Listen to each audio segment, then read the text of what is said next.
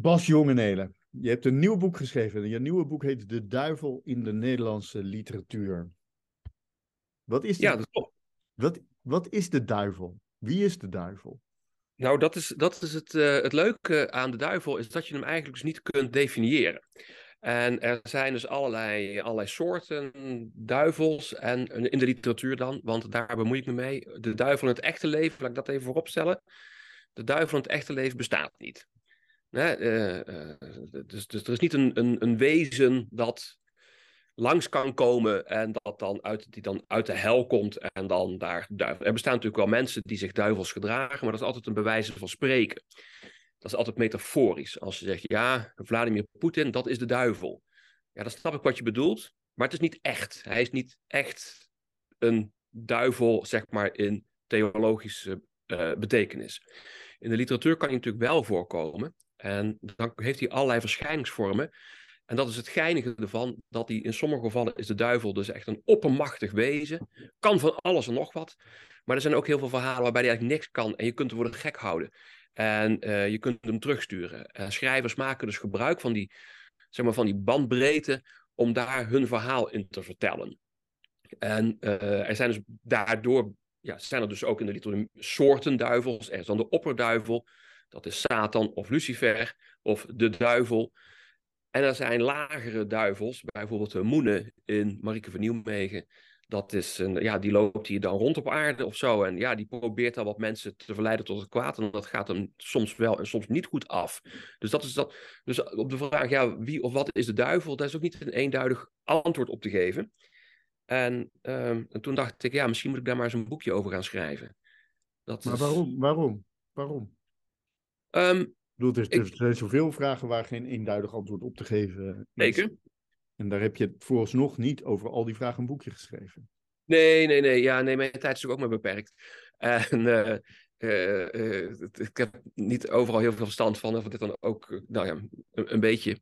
nou, ik was al wel heel lang, ja, heel lang gefascineerd ook door die duivelse persoon. Um, omdat ik veel middeleeuwse teksten bestudeer. En daar komt hij dus heel vaak in voor. En uh, op, uh, op soms ook grappige manieren. Het, het, het toneelstuk Jan van Beverley, Jan van Beverly. Dat, dat, dat vind ik een heel mooi, een soort Marieke van Nieuwmegen-achtig ding. dat is echt heel erg, dat vond ik erg grappig. Dat vond ik leuk. Dat heeft me altijd gefascineerd als personage. Ik heb er nooit heel veel mee gedaan. Dat, ja, die duivel ja, is gewoon één van de personages. Je had ook ridders. En, uh, en Maria komt ook voor in heel veel middeleeuwse verhalen. En die duivel ook. Nou, hartstikke leuk, goed, prima. Deed me niet zoveel. En toen las ik, twee jaar geleden, uh, een moderne Nederlandse roman, Harpy, van Hanna van Binsbergen. En daar komt hij ook in voor. Eigenlijk op een soort middeleeuwse wijze. En toch ook weer niet. En toen dacht ik, nou, dat vind ik gaaf. Dat een, een, een auteur van nu die duivel pakt en integreert in het verhaal zelf. En het eigenlijk in het midden laat of die duivel dus ook daadwerkelijk in dat verhaal rondloopt, of dat die, verhaal, die duivel toch alleen maar in het hoofd van Harpy zit. Dat, is, dat laatste is natuurlijk het geval. Maar toch moet je daar als lezer, ja, weet je, hij is toch wel heel erg aanwezig. En dat vond ik eigenlijk heel erg tof gedaan. En dat zette me aan het denken van, ja, wacht even, die duivel is natuurlijk helemaal niet alleen maar zo middeleeuws. Uh, sowieso, Vondel gebruikte hem ook, maar ja, dat is 17e eeuw bij Lucifer. Ja, ja, nou ja, dat, is, dat zit er nog heel dicht tegen de middeleeuwen aan te schurken. Zou je dan kunnen zeggen, ja, ja dat, is, hè, allemaal oud. Maar er blijken dus gewoon in de loop der tijd natuurlijk veel meer ook moderne duivelverhalen te zijn. Dus ook Hugo Claus en Hubert Lampeau, Simon Vestdijk. Dat zit dus in de 20e eeuw, in de, moderne literatuur, komt hij ook voor. En dus ook in de 21e eeuw. Dat zette mij aan het denken ja, maar wat moeten we daar dan eigenlijk mee? Wat voor personage is het? En, en is er een soort chronologische ontwikkeling? Dat was mijn eerste idee eigenlijk, om een soort chronologie van de duivel te maken. Dat in oude werken komt hij op, op, op deze manier voor. En maar in de 21e eeuw op deze manier heel anders. Maar dat bleek niet te werken, want hij maakt amper een ontwikkeling voor als personage. Dus, dus dat is, toen moest ik het ja. op een andere manier aan gaan pakken. En toen heb ik andere categorieën gemaakt. Van, goh, wat, voor, wat kunnen schrijvers eigenlijk met een personage als de duivel? Uh, soms staat hij voor het pure kwaad. Soms is het een soort mallotige figuur die je voor de gek kunt houden. Een soort tel-uilenspiegelachtige figuur is het ook wel. Uh, soms zijn er verhalen die zich afspelen dus in de hel. Oké, ja, goed, dat is dan toch weer... Maar wat is die hel dan? Uh, de, de, de, de, klassieke versie is het met heel veel vuur en dat soort dingen. Uh, maar als je het leven uit één dag van, uh, van de heide leest, hè, dan gaan ze, dat speelt ook al in een hiernamaals. En dat, is dan, dat lijkt dan heel erg op onze maatschappij. Wij leven ze eigenlijk ook gewoon in een soort hel, waar het ongelooflijk saai is. Iedere dag is hetzelfde wat we doen. Iedere dag moet je gewoon naar je werk. Uh, weet je, het is altijd echt vreselijk saai. Dus oh, daar zijn toch ook wel verschillende vormen van te zien van de hel. En de kelner en de levende van, uh, van Simon Vestdijk, dat gaat toch ook weer een beetje. Dan, dan is de hel een soort groot, groot station waar treinen aan en afrijden en zo. Maar dan tegelijkertijd zit er ook weer dan vuur en lava. En dus, oké, dus hij maakte dan weer een soort middeleeuwse setting van, maar dan tegelijkertijd in een 20e eeuws stationcomplex of iets dergelijks, waar hij dan ook wel een beetje vaag over is. Terecht natuurlijk. Ja. Dus dat, vond ik wel interessant. ja, dat, dat zei me dus meer. Toen, ik, toen, toen dacht ik, oh, maar dan ga ik even. Hoe, er zijn dus ook verhalen. Hoe is de duivel ontstaan? Uh, daar zijn dus ook jeugd- en kinder- en jeugdliteratuur is daar. Tonke Dracht bijvoorbeeld schrijft daarover. Mm. Um, en dat is dan weer een hele andere invalshoek van hoe dat Vondel erover schrijft met Lucifer. Wat een veel klassiekere variant is. Um, en dus toen heb ik op zo'n manier bekeken, kan ik een, kan ik een soort indeling maken in, in, in, in categorieën van hoe de duivel in onze literatuur voorkomt. En, facetten ja, van de duivel misschien wel. Ik wil, zeg je? Facetten van de duivel. Uh, ja, ja facetten, categorieën. Maar ik wilde toch nog wel, ja, toch nog eigenlijk helemaal terugkomen op mijn allereerste vraag, namelijk wie is nou de duivel? Kijk, jouw antwoord daarop was, ja, de, je begon meteen met heel stellig te zeggen, de duivel bestaat niet in het echt, wat het mhm. echt ook mogen zijn, uh, ja. zou ik dan denken. Ja. Ehm, maar het is. Het Kijk, als je, als, ja, wat is het echt? Ja, weet je, als je naar het café gaat, je bestelt een, je bestelt een glaasje bier, dan zet de barman een glaasje bier voor jou uh, op de bar. En dan weet je zeker dat het een echt glaasje bier is. Dan ga je niet zeggen, nou, barman. Of is, zitten we in de god van Plato en uh, weet je, we hebben echt zo'n echte wereld. En jij zit daar echt in een kantoortje met een systeemplafond uh, NTL-buizen. En ik heb ook ongeveer zoiets. Uh, dat is wel echt. En het is niet zo dat zometeen de deur, dat op die deur geklopt wordt. Dan kan er van alles nog wat binnenkomen, maar niet de duivel. Maar um, het is tegelijkertijd, dus ja, is er dan een personage? Ja, je, je noemt zelf al een, een bezwaar tegen die gedachte dat een personage is, namelijk er zit geen ontwikkeling in. En een normaal literair personage die ontwikkelt zich op een bepaalde manier. En de duivel ontwikkelt zich, niet alleen ontwikkelt de duivel zich niet in een bepaald werk, maar in de hele literatuur ontwikkelt hij zich niet. Bovendien, in je boek noem je als een voorbeeld van een personage Frits van Echters. Uh, Frits van Echters um, is uh, bedacht door Gerard Reven. Maar mhm. van de duivel is niet zo evident door wie die dan is bedacht. Nee. Dus iedereen, dus uh, als, ik een boek, als ik nu een boek ga schrijven over. Uh, ik ga een, stel ik ga een roman schrijven over Frits van Echters. Dan ja. verwijst dat onherroepelijk naar het werk van uh, Gerard Reven. Dat kan ik niet doen zonder daarbij Gerard Reven in de gedachten te roepen. Maar als ik een boek ga schrijven over de duivel. Ja, dan is het eigenlijk helemaal niet zo duidelijk naar wie nee, ik dat verwijst. Klopt. Dan ben je veel vrijer daarin. Hè? Maar het is wel, dat gebeurt dus ook. Dat is echt iemand anders dan Frits van, dan Frits van Echt. Ja, dus het, ja, ja, hij is iemand anders dan Bas Jongenelen, maar hij is ook iemand anders dan Frits van Echters. Uh, dus het is een, al, voor zover het een personage is, is het ook weer. Ja, dus het is een. Maar is het dan een stereotype? Nee, want uh, stereotype is een stereotype van bepaalde personen.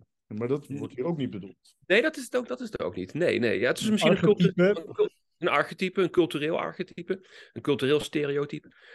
Um, en het is, um, uh, het, het, is een verzameling van van alles en nog wat. Hè. Dus ook als je kijkt naar de klassieke mythologie van de Grieken en Romeinen, die hadden natuurlijk niet een duivel, want die hadden ook niet God en dan tegenhangende duivel, die hadden van alles, van alles en nog wat.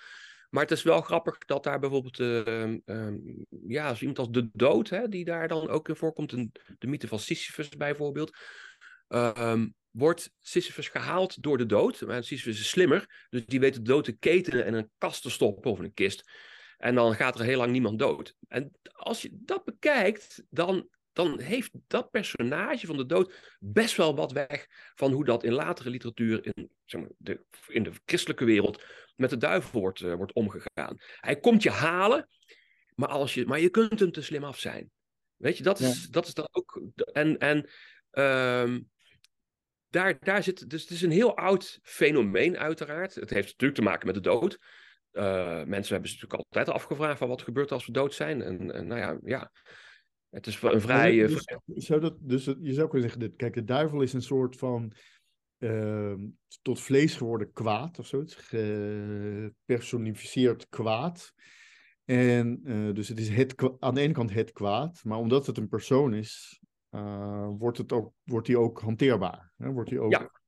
Uh, dus ja, als, het, als het, het, kwaad in het algemeen, daar, dan kun je alleen nog maar overgeven en op de grond gaan liggen en zeggen, ja. nou, dit, maar omdat het een persoon is, kun je er dus ook de draak mee steken.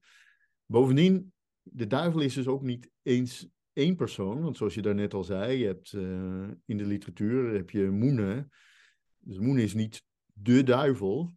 Nee. Moen is een duivel. Een duivel, ja. Blijkbaar zijn er dus meer. En uh, uh, dat is ook best wel een oud idee. Hè? Als je Lucifer leest van Vondel. Vondel heeft het verhaal van Lucifer niet zelf bedacht. Dat is een heel veel ouder verhaal. Hij heeft alleen vorm gegeven in, in, in dit toneelstuk, in Lucifer. En Lucifer is niet de enige die in op, opstand komt tegen God. Mhm. Hij heeft een aantal companen. Mhm. En uh, het mooie van dat uh, toneelstuk van, van Vondel is dat hij op een gegeven moment ook de mogelijkheid krijgt om zich weer uh, terug te trekken. Om, te, om tegen God te zeggen, ja, sorry, hè, dat was niet helemaal de bedoeling. Maar uit, hè, of uit vrije wil kiest hij toch voor de, de, de opstand tegen God. Of eventueel peer pressure. Hè, weet je, als je met een, met, een, met, een, met een bus vol brugklassers uh, naar de Efteling gaat en je rijdt naar de Efteling voor en je zegt tegen die hele bus, nou jongens, nee, weet je, we gaan toch weer terug naar school. Nou, dan zorgen uh, alle 50 brugklassers wel voor dat jij die bus uitgedragen wordt en dat je de Efteling uitgaat. Dus als Lucifer tegen God had gezegd, ja, zo bedoelde ik het allemaal niet. En sorry, nou, er waren daar uh, Beelzebub en Apollyon, et cetera. Hartstikke idee, die hadden, en, en dat waren er best veel. En Vondel beschrijft het ook als een complete veldslag in de hemel. Ja, dat betekent dat er dus niet eentje is of een, een klein groepje. Er moeten heel veel van die engelen zijn geweest, die dus met z'n allen in opstand kwamen, met Lucifer als aanvoerder. En die zijn allemaal naar beneden gedonderd, de, de, hel in. Dus puur op basis van, van die traditie kun je al niet anders concluderen dat er heel veel duivels zijn. En dat maakt het natuurlijk ook wel grappig, dat, dat, dat je dus als schrijver daar iets mee kunt. Dat je dus, ja, er zijn dus aanvoerders blijkbaar. En er zijn dan ook natuurlijk ook onderknuppels. En er zijn krullenjongens. En er zijn stagiaires desnoods. Dus de, uh, daar kun je dan iets uitpikken en daar kun je wat mee. En je kunt er een slimmerik bij zetten en je kunt er een, een dommerik bij zetten. Faust, die had toevallig met Mephistopheles een, een wat slimmere duivel te pakken. Want Faust komt niet uiteindelijk onder zijn contract met de duivel uit. Hij, hij, die gaat naar de hel. Terwijl er dus heel veel andere verhalen zijn. Ja, die duivel was dan blijkbaar niet zo slim. Of de persoon die het contract getekend heeft, was misschien slimmer dan Faust. Faust was blijkbaar toch niet zo heel erg slim daarin. En dan wordt het leuk als schrijven, omdat je dan kunt variëren, kunt combineren, je kunt ze met elkaar laten kletsen. In de 16e eeuw zien we met die, met die, met die, met die rederijkers toneelstukken, Sinnekens. Dat zijn ook een soort duivelsachtige figuren. Die kunnen dat zijn. Uh, soms valt het wel mee hoor, maar soms zijn het echt wel vervelende figuren die dan met elkaar aan het ruzie maken zijn. En dan kun je afvragen, ja, wie, wie, wie ziet dit allemaal? Ja, wij als toeschouwers zien dit, maar zien de overige personages op het toneel dit ook? Of ziet alleen de hoofdrolspeler dit? en dat maakt het ook spannend en grappig dat je een personage hebt waarvan je eigenlijk weet, ja, die is er niet echt. En toch is hij er wel. En dat is het leuke van, van wat Hanna van Binsbergen doet met Harpy. Natuurlijk zit die duivel in haar hoofd. Maar zij, zit, maar hij, zij stelt hem zo realistisch voor dat ik dus ook als lezer weet je dat hij er toch is. En dat is fascinerend. Dat is heel gaaf. Dat ze, de, de, de hoofdpersoon ja, zit in een psychose of iets dergelijks. Het gaat in ieder geval niet zo goed met haar. En uh, dat boek begint dat er een plas bloed op tafel ligt. En daar komt dan die duivel komt daar dan uit. En die vraagt dan, ja, wat ben je eigenlijk van plan? En dan zegt degene die dus blijkbaar haar post heeft doorgeschreven. Ja, weet ik zelf eigenlijk ook niet. Ja, nou, uh, ja, wat doen we hier dan nog? Weet je? En dan ontspint ik dat boek waarvan je denkt, oh, oké. Uh, blijkbaar uh, ja, is daar dan toch die duivel ineens. En, en ik snap ook dat het niet echt is. En toch is hij er wel echt. Je gaat ook helemaal mee met Harpy. Dat, dat, die dat het gewoon echt een, echt een persoon is. En dan vervolgens krijg je ook allerlei andere dingen. Dus verderop in dat boek. Uh, heb ik, hem, ik heb hem hier bij de hand ergens. Ja, hier. Um, ik kwam even omhoog. Beste kijkers. Ja. fantastische, fantastische, fantastische roman. En niet eens, niet eens al te dik, dus je bent ook zo doorheen. Maar er zit vanaf. Dan zitten ze, zitten ze dus in een soort in een psychiatrische inrichting. En dan zitten ze in een, in een kring zitten die patiënten bij elkaar. En dan de psychiater, die heet Joost. En er zitten ook allerlei tradities zitten daarin. Dus tegelijk is het, is, is een soort heksenkring is het geworden. En Joost is een oude naam van de duivel. Van de, van de uitdrukking Joost mag het weten. Mm. Dus ze zitten in een psychiatrische inrichting. Er zijn patiënten, er is een psychiater. Maar die gaan precies zo zitten dat je als lezer... Er wordt er verder niks in het boek over gezegd. Maar als lezer moet je die conclusie trekken. Oh, ze zit misschien wel in de hel hier. In zo'n heksenkring met die duivel erbij. En ik kan me voorstellen dat als je in een psychiatrische inrichting zit... en je voelt je niet gek dat je dan in een soort hel zit. Nou, daar wordt er allemaal mee gespeeld in, dat, eh, in, in, in Harpy van Hanna van Beersberg. Ja, ik vind dat echt fenomen. En dat gewoon lekker, lekker 21ste eeuws. Heerlijk. En tegelijkertijd hopeloos middeleeuws ouderwets. Ja, een prachtige, mooie, postmoderne potpourri van... Ja, literaire kwaliteit en flauwekul door elkaar. Ja, ik hou er erg van. Ja, en dus ook heel erg... Dus de, die duivel zit dus ook heel erg vast aan dat toch weer die eerste vraag, namelijk besta bestaat die nou echt of niet? En zo ja, wat betekent dat dan eigenlijk als die uh, wel of niet echt bestaat? Je hebt ook een hoofdstukje dat gaat over het kind van de duivel. Ja. Uh, dus in de eerste plaats, kennelijk kan de duivel ook kinderen. Ja, kan zich voorplanten. Ja. En, maar dan aan de andere kant doe je ook weer grote moeite om te bepalen of iemand nou, is iemand nou wel of niet echt een kind van de duivel, of is die alleen maar een slecht is die alleen maar een slechte persoon. Ja. Um, als, je, als je gaat kijken naar verhalen waarin daadwerkelijk iemand kind van de duivel is, bijvoorbeeld in Merlijn is dat, en in uh, Robrecht de Duivel, Robert de, Robert le Diablo, oorspronkelijk Frans uh, verhaal, dan gaat het echt over iemand, en uh, broeder Rusje, die daadwerkelijk kind van de duivel is. Maar er gebeurt verder niks mee. Als schrijver kun je daar niet eens zo heel erg veel mee. Wat, wat, wat dan nog? Iemand is letterlijk kind van de duivel. Ja. Dat is eigenlijk helemaal geen goed verhaal. Je, dat, dan, dan, dan bij, ja, dan, uh, ja, ja, ja, dat lukt dan bijvoorbeeld sommige personages om daarvan af te komen. Wat niet kan natuurlijk. En Merlijn wordt uh, opgesloten in een soort van, uh, van, van, van glazen bol of zo'n zo doom of iets dergelijks. Of in een, of een, of een grot, hè, weet je in ieder geval, waar die nooit, nooit meer uit kan komen. En dan is het ook klaar. Dus daar, daar kunnen schrijvers niet eens zo heel erg veel mee met Kind van de Duivel. Dus dat, dat, dat, dat wordt dan te letterlijk. Dat, en dan, en dan, dan, dan krijg je inderdaad die, die, die, die vraag: bestaat de duivel? Uh, ja, in boeken wel. Maar als het wel een heel letterlijk iets is, als, als iemand echt kan zeggen: Mijn vader is de duivel. Kijk, kijk ik heb het DNA van de duivel. Uh, dan kan een schrijver daar eigenlijk niks mee. Dan is het verhaal meteen klaar. Dan is daar.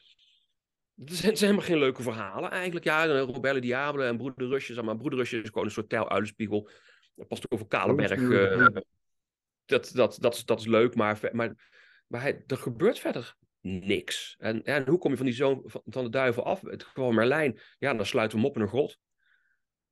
Ja, oké, klaar. En dan vervolgens, en dat kan ook, want als de duivel een soort engelachtig figuur is, dan heeft hij geen, heeft hij geen lichaam. Dus hoe kan iets dat niet echt lichamelijk is, hoe kan zo iemand zich voortplanten? Waar, waar zit dan uh, het, het, zaadcelletjes en de eicelletjes en zo? En uh, waar zit dan het DNA? heeft iemand die dus een, een, een engelen, een astraal lichaam heeft, heeft iemand dan DNA? Nee, zo iemand heeft geen DNA, want die bestaat ja, niet op die manier, niet lichamelijk. Ja, dus kan hij zich ook niet voortplanten. En dus krijg je in het verleden ook, in, in, in de heksenhamer, wordt daar ook aandacht aan besteed, dat er dus duivels zijn die dus zich vermommen als vrouw. Die gaat met een man naar bed. Die vangen dan dat sperma op. En dan wordt dat vervolgens, wordt dat sperma bij een andere vrouw dan naar binnen gebracht. Ja, maar dat is dan toch gewoon het sperma van die man. Je kunt dat ook gewoon in een bakje opvangen. En, nou ja, weet je, IVF uh, eh, stelt nou iets makkelijker voor dan daadwerkelijk gaat. Maar in principe, het is niet zozeer dat als als je uh, gebruik maakt van een, uh, een spermadonor, dat er dan ook de, de DNA van, van, van de dokter er, erbij komt. Ja. Soms, sommige, sommige gevallen van, van dat soort doktoren die dan hun eigen sperma erin injecteren, uh, daar laten. Ja, dus, dus hoe kan het dan zijn dat als je sperma opvangt van een man en bij een andere vrouw inbrengt als duivel, dat het, dat, dat dan verandert? Dat kan ook helemaal niet. Dus, dat, dus daar heb je ook niks aan verhaal technisch. Dat is, dat is ook niet wat. Dat maakt het verhaal helemaal niet interessant. En dat is natuurlijk ook weer interessant om te kijken hoe ver dat schrijvers, hoe ver dat zij gaan met wanneer is een verhaal nog, nog interessant en wanneer is een verhaal tof en leuk. Nou ja, en dit blijkt... wat, je, wat je je daarover kunt uh, afvragen, en wat ook mensen zich wel hebben afgevraagd, is dus uh, waarom is die duivel nou zo'n fijn personage? Uh, en waarom zijn engelen, als tegenovergestelde uh, duivels, dat veel minder? Hè? Dus waarom wordt, als, je één, als mensen één boek uit de Divini, Divina Commedia um, uitgeven, wat soms gebeurt, ja. dan is dat altijd de hel en nooit het paradijs. Nee, um, dat is veel te braaf.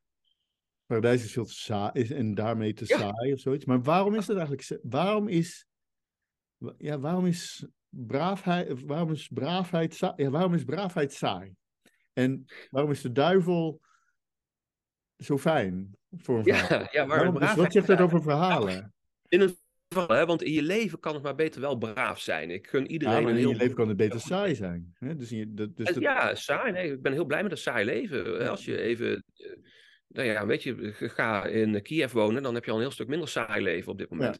Ja, uh, dus, dus, sommige mensen willen dat ook dan heel graag. Die zoeken de problemen op, maar normaal gesproken kan het beter saai zijn.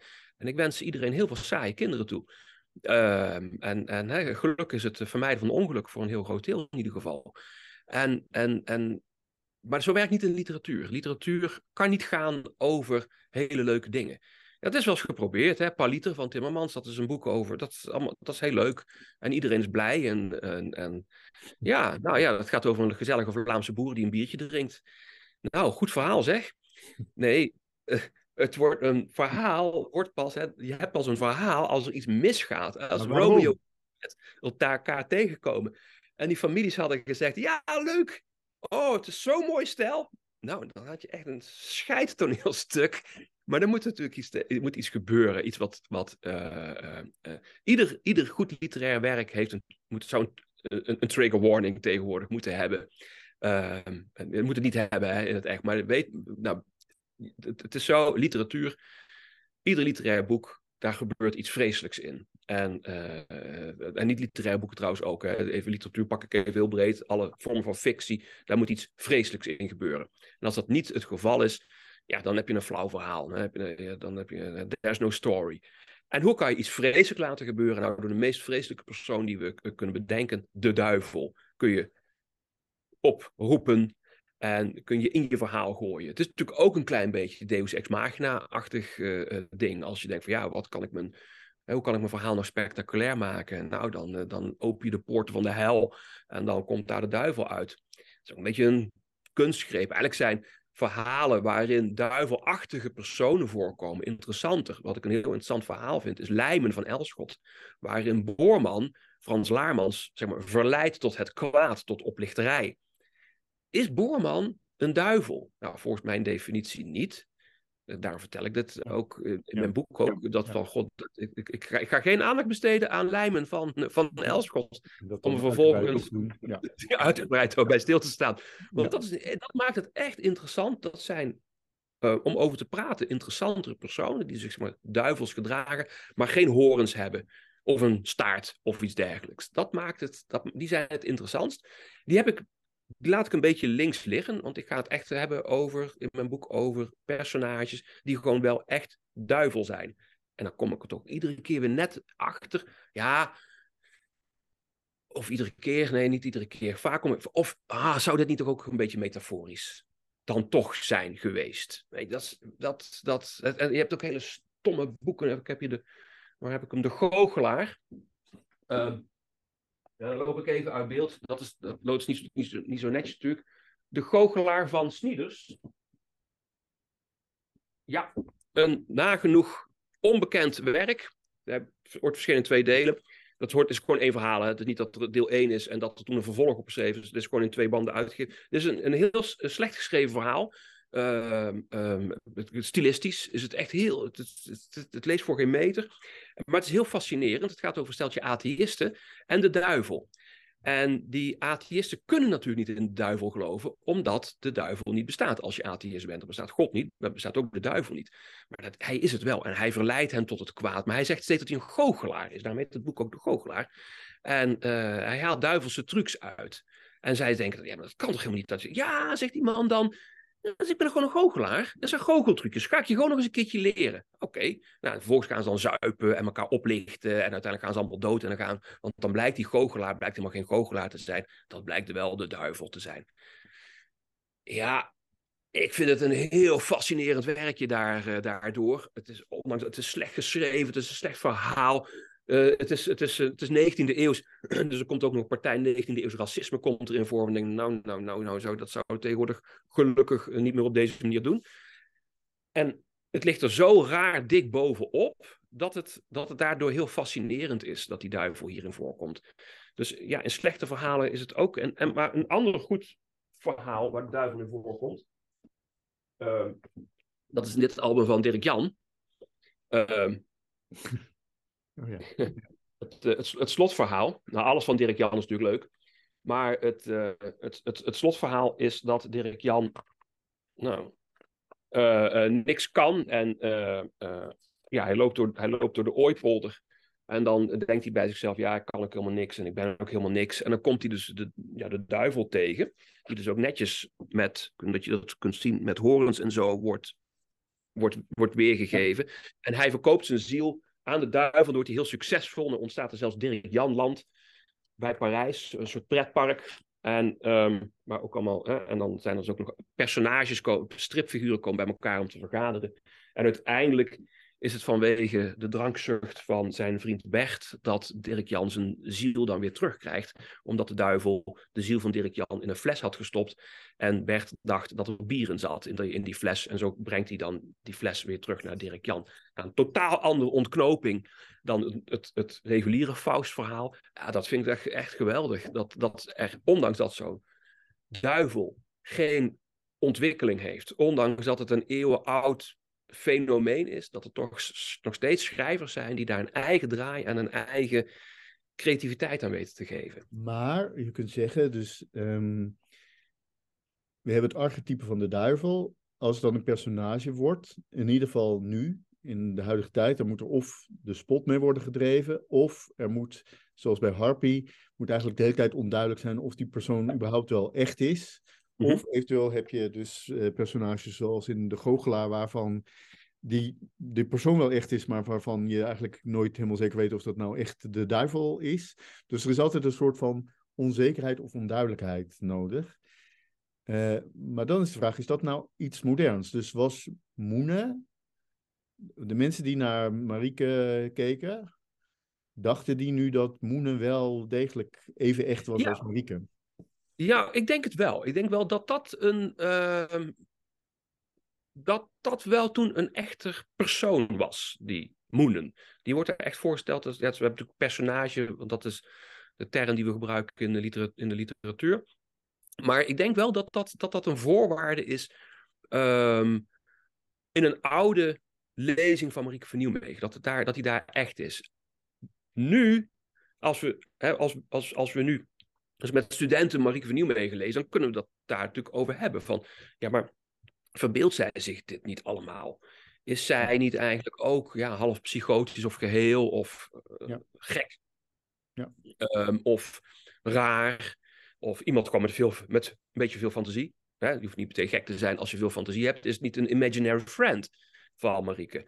En ik denk dat je dat tegenwoordig best wel op die manier kunt lezen. Maar ik denk dat dat in de 16e eeuw dat dat niet gebeurde. Ik denk dat er toen echt gelezen werd, of gezien, gehoord. Als Herman Pleij beweert dat het een poppenspel is geweest, wat geen onmogelijkheid is. Mm. Uh, een marionettenspel, want de Marieke wordt op een gegeven moment omhoog gegooid. En als je marionetten hebt, dan kun je met die touwtjes, huppakee, kun je, dat, kun je met een echte actrice, kan dat niet.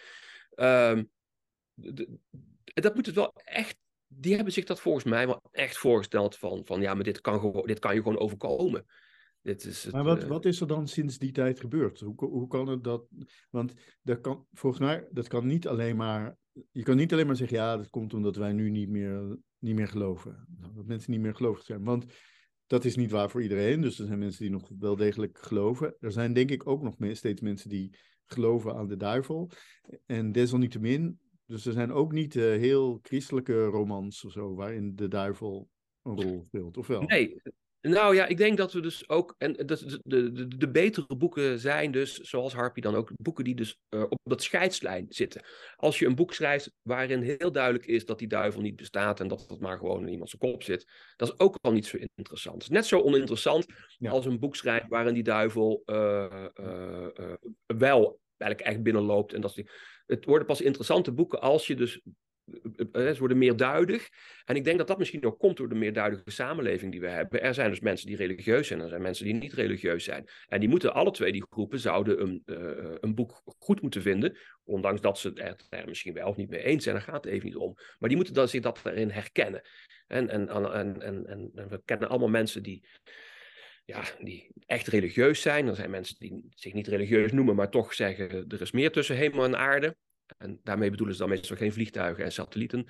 Maar uh, uh, de spirituele mensen, ja. uh, die de, de, de happiness en de flow lezen. Um, en die moeten zich daar toch ook een beetje in kunnen, kunnen herkennen. En een goede schrijver, zoals Half van Binnenbergen, die speelt daar dus heel erg mee. Die laat je als lezer. En dat wordt het interessant. Maar dat is wel een, denk ik een, een moderne uh, opvatting die ja, in de 19e eeuw denk ik ontstaat. In de 19e eeuw ontstaan er ook eind 19e eeuw de eerste atheïstische romans, romans over geloofsafval. Er staan uh, feministische romans, socialistische romans. En dan krijg je dus dat de samenleving toch wel wat meer gaat verschuiven.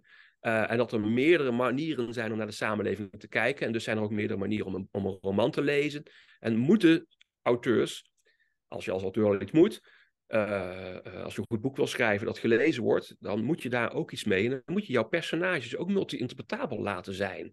En, en, en niet al te eenduidig, want dat wordt dan toch saai. En uh, uh, zoals denk ik ook de poëzie, moderne poëzie, 20e eeuwse en 21e eeuwse poëzie, is veel meer duidiger dan 17e eeuwse poëzie. Hoe mooi die sonnetten van P.C. Hoofd ook zijn, ja, weet je, uiteindelijk zijn het toch gewoon vrij relatief eenvoudige uh, uh, liefdessonnetten.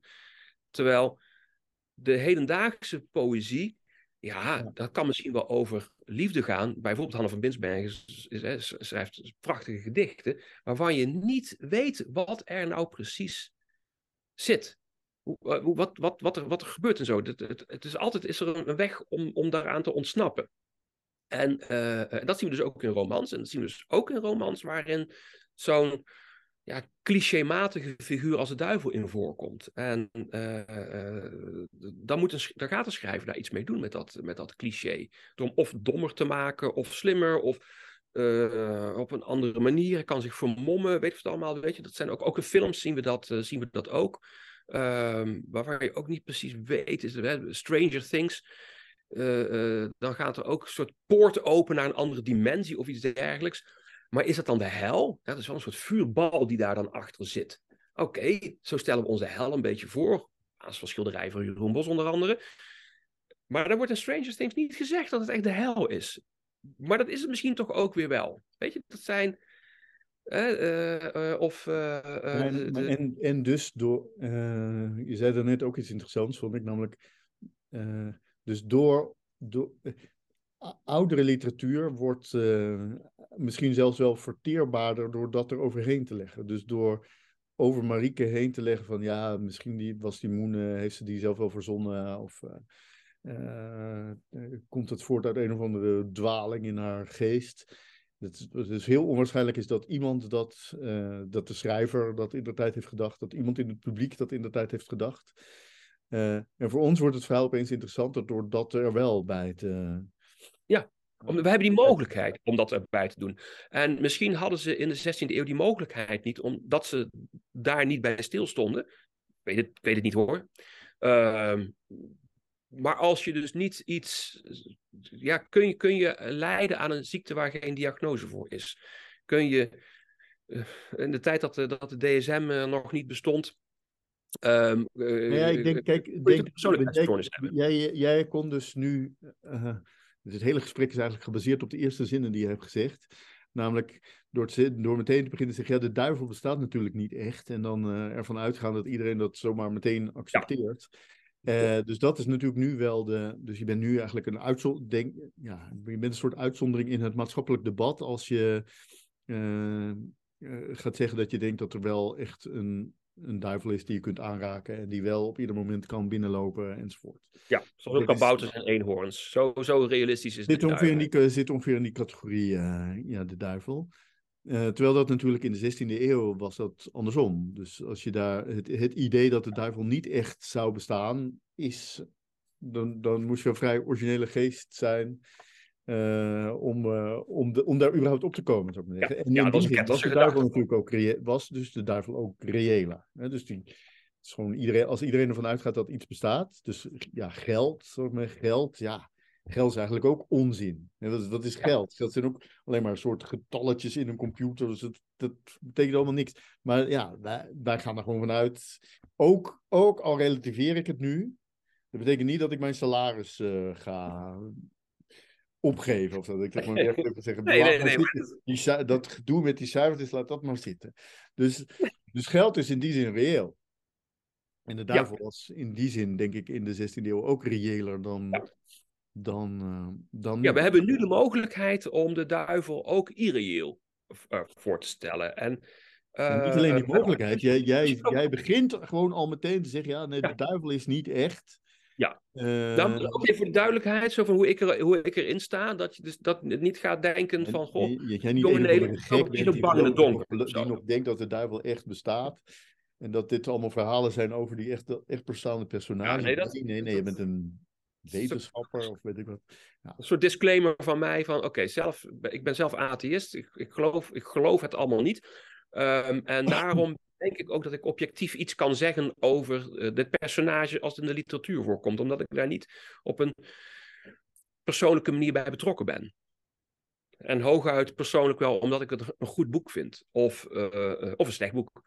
Of dat ik daar dan door een bepaald passage kan ik wel ontroerd raken, daar niet van, maar niet vanuit een religieuze betekenis. Ik kan niet zeggen, ja, zie je wel, hè, die Jezus daar, die heb gelijk, uh, want uh, de duivel doet dit, dit. Ja, dat is precies zoals ik het uh, op de tijdens catechese les geleerd heb. Hè, ja, maar dus, nu zeg je, dus nu zeg je eigenlijk dat je op non-fictie anders reageert dan op, op fictie. Dus nee, nee, nee, nee, nee, ja, nee, nee, nee. Ik, ik beweer, nee, dan, dan, dan zeg ik misschien niet goed. Uh, ik, ben, ik ben gewoon ik ben een atheïst en ik geloof niet in God en ik geloof ook niet in de duivel. En ik geloof ook niet in eenhoorns en niet in kabouters. En ik geloof ook niet in een leven na de dood. En ik geloof ook niet dat er een pot goud aan het eind van de regenboog ligt. Ja. Uh, maar, maar ik geloof wel in de verhalen daarover. Want die zijn heel gaaf. En heel tof. En die vermaken mij. En die geven het leven in zoverre zin. Het leven is compleet zinloos en absurd. En uh, we hadden het er ook misschien beter met z'n allen niet kunnen zijn. En dat had, ook, had niemand iets gemist overigens. Uh, uh, maar gelukkig hebben we literatuur en hebben we, hebben we fictie. En dat. En, ja, nee, weet je, en ik, maar ik vermaak me ook met, met non-fictie over, over de duivel. Over de duivel. Um, ja. ja. Nou, wat een geweldig boek is, dat is um, Het Domein van de Slang van een zekere dokter Ouweneel. Is het deze? Ja. Oh, dat, en, en dokter Ouweneel die gelooft daadwerkelijk, is een religieus man, die, die, die gelooft er allemaal in. Voor hem is het waar. Voor hem is dus de duivel waar. En die kan bij hem in zijn werkkamer eventueel binnenlopen als hij zou willen. Of via het systeemplafond naar beneden komen vallen. Ja. Uh, en en uh, ja, ik vind het te gek om te lezen. Ja, omdat ik dit ja, krankzinnig vind dat iemand die toch uh, doorgestudeerd heeft, nou sowieso, die een beetje kan nadenken, dan kan gelooft dat het allemaal echt is. Dat vind ik heel raar. Dat, dat vind ik heel raar. Hè? En ik neem aan dat oude Neil mij heel raar vindt. Dus ja, toch heel vreemd dat jij niet gelooft in God. Dus wat, dat begrijpen we elkaar niet. Um, maar gelukkig lees ik dit, dit ding met, met, met veel plezier, want de oude Neil kan wel schrijven. Um, maar het is geen fictie. Ja, het is wel. Ja, nee. Ja, het is, als je over de duivel schrijft, is het fictie. Maar dit is, dit is hopelijk een soort non-fictie, vindt hij, vindt hij zelf. Het is niet bedoeld als fictie. Maar wat, wat, uh, zou, wat zou dokter Ouweneel vinden van jouw boek, De Duivel in de Nederlandse Literatuur? Dat, ja, dat, dat, dat, Dat weet ik eigenlijk niet. Ik weet niet in hoeverre. Ik voor mezelf heel moeilijk inschatten. wat een religieus iemand vindt van een niet-religieus boek over een religieus thema. Dat is raar, hè? Ja. Klopt het wel wat ik nu zeg? Ehm, want ik behandel de duivel dus niet op, op een religieuze manier, maar op een, uh, een, een, een, een, literaire manier. Ik kan ook een, misschien een boek schrijven inderdaad, over kabouters in de literatuur. Hè, wat, uh, wie, wie, was, uh, wie waren Wipneus en Pim nou dan eigenlijk? En ja. waarom is Wiplala een Wiplala eigenlijk nou, als, ik jou, als ik jou daarover ga interviewen, dan begin je niet met een disclaimer daarover. Dus nee, dan begin ik niet met een disclaimer wat mij betreft. Ik denk niet dat hobbits, hobbits niet. Zo, nee. dat, hobbits, dat zijn natuurlijk ook, dat, dat, dat kun je mensen op de kast jagen door te zeggen dat hobbits dat, dat kabouters zijn. Nee, dat is helemaal niet waar. Nou, dat nee, ja, nee, het is ook niks. Ze zijn ook maar niks, want ze zijn verzonnen. Uh, maar omdat er dus wel mensen, ja, daarom begin ik met deze disclaimer, begon ik met deze disclaimer, omdat er mensen zijn die, die wel denken dat de duivel bestaat, zeggen, ja, oké, maar even voor duidelijkheid, ik geloof daar niet in. En als ik een boek over kabouters schrijf, dan hoef ik dat dus die disclaimer niet te maken. Ja, is dat raar?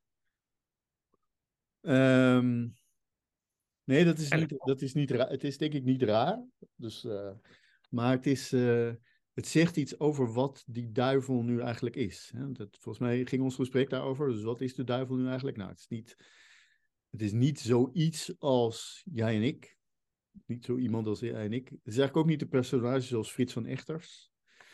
Het is een soort archetype, maar eigenlijk om nu aanvaardbaar te zijn in, als literair personage kan het ook niet alleen maar een archetype zijn, want archetypes vind je juist weer, dat vindt de moderne literatuurlezer niet interessant. Dus het moet op een of andere manier gerelativeerd uh, worden. Maar dus het feit, dus voor, voor mijn gevoel dus dat feit van bestaat hij nou wel of niet, dat is een soort integraal onderdeel van de duivel. Mhm. Veel meer dan bij kabouters. Dus als een kabouter, daar vertel je een verhaal over. En dan weet je, oké, dat is een verhaal over kabouters. En die leven in kabouterwereld en daarbuiten niet. Maar het mooie van de duivel is juist, dus daarom vind je volgens mij uh, Harpy ook een mooi boek terecht. Is juist dat je ook al geloof je er niet in, of zeg je dat je er niet in gelooft, er toch nog de mogelijkheid bestaat dat, het, dat hij wel degelijk hier dadelijk door het systeemplafond naar beneden ja, komt. Dat blijft toch, dat blijft toch spannend. Wel van kabouters de, de kans dat de duivel hier naar beneden komt vallen is toch wat groter dan dat er hier kabouters spillebenen ja, ja, ja. ja, bij Dick Laan kwamen, kwamen de kabouters af en toe wel op zijn werkkamer uh, lopen.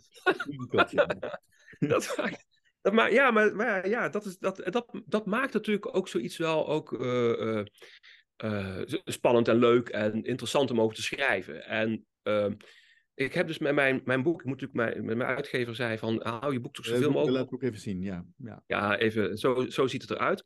Ja. Uh, met een prachtig schilderij van Frans Flores, de, de Val der Opstandige Engelen, is, is, een groot schilderij van, van drie meter hoog, te zien in het Koninklijk Museum voor Schone Kunsten te Antwerpen. Uh, bezoek dat museum toch vooral en uh, dan, dan, dan zie je ook gewoon waar het over gaat. En um, wat wilde ik nou zeggen? Behalve koop dat boek. Nee, um, uh, uh, dat maakt het een interessant personage. Juist die. Je, je kunt. Is het mogelijk om volledig atheïst te zijn? Ja, ik vind van wel.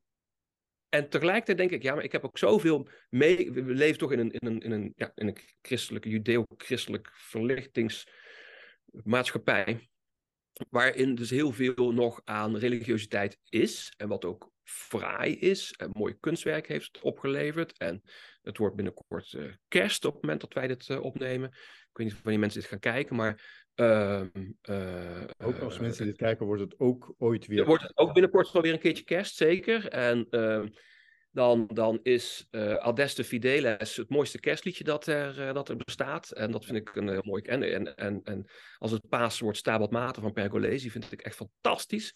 Dat, kan ik, dat kun je ook waarderen als je dus niet religieus bent. En met, maar toch zit daar een religieu, religieuze ontroering zit daar dan toch, uh, toch, toch in.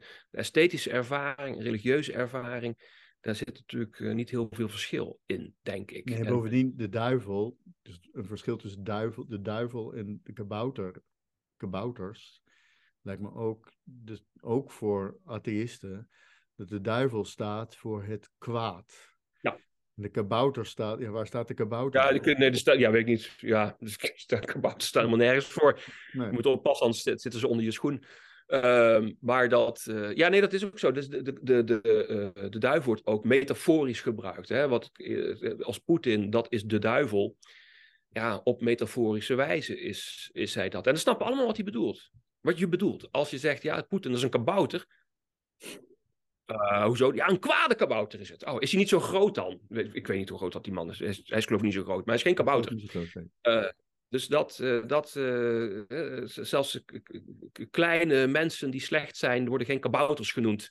ehm, als teken van slechtheid, maar wel, maar wel duivels. Dus dat is een, een, een, een ding Ja, dat dus metaforisch, het- dat zit De duivel gaat in. over het kwaad en dat kwaad, dus dat kwaad raakt je hoe dan ook. Dat is sowieso een probleem waar je mee te, wat je ook precies verder gelooft in je leven. Dat is iets waar je, waar je mee te maken hebt. Hè? Dus, Ja. terwijl kabouters, als je niet in kabouters gelooft, dan zijn kabouters er niet en dan, ja, dat raakt Ja, je mis je leven. ook niks aan. Denk ik, denk ik. Ik heb nog nooit een kabouter ontmoet, moet ik toegeven. Eh, dus dat is een, ja. Nee, dat is, een, dat is mooi. mooi. mooi eh, het is een mooi boek. Het is een leuk boek. Het is Dankjewel. typisch Bas Jongenelen boek. die Bas Jongenelen stijl geschreven. Ehm, wat, wat, wat, wordt de volgende, wat wordt je volgende personage? Toch niet de kabouter? nou, je bent wel met die van idee vlak, Mark. Kabouters, eenhoorns en potten met Nee. Nee, nee, nee, nee, nee, nee. Ik eh, ben bezig. eh, ik ga weer de humor, meer de humoristische kant uit. Eh, dat is toch. Ja. mijn proefschrift wordt ook over humor in de 16e eeuw. En ik ga, dat, ik ga daar een boek van maken. Ik ga het, het, het boek over humor schrijven. ehm, dat mijn proefschrift niet mocht zijn, zeg maar. Ja, dat, eh, daar ben ik eh, nu. heel goed. Dankjewel. Dat is, dat is wat is. Graag gedaan. Dankjewel.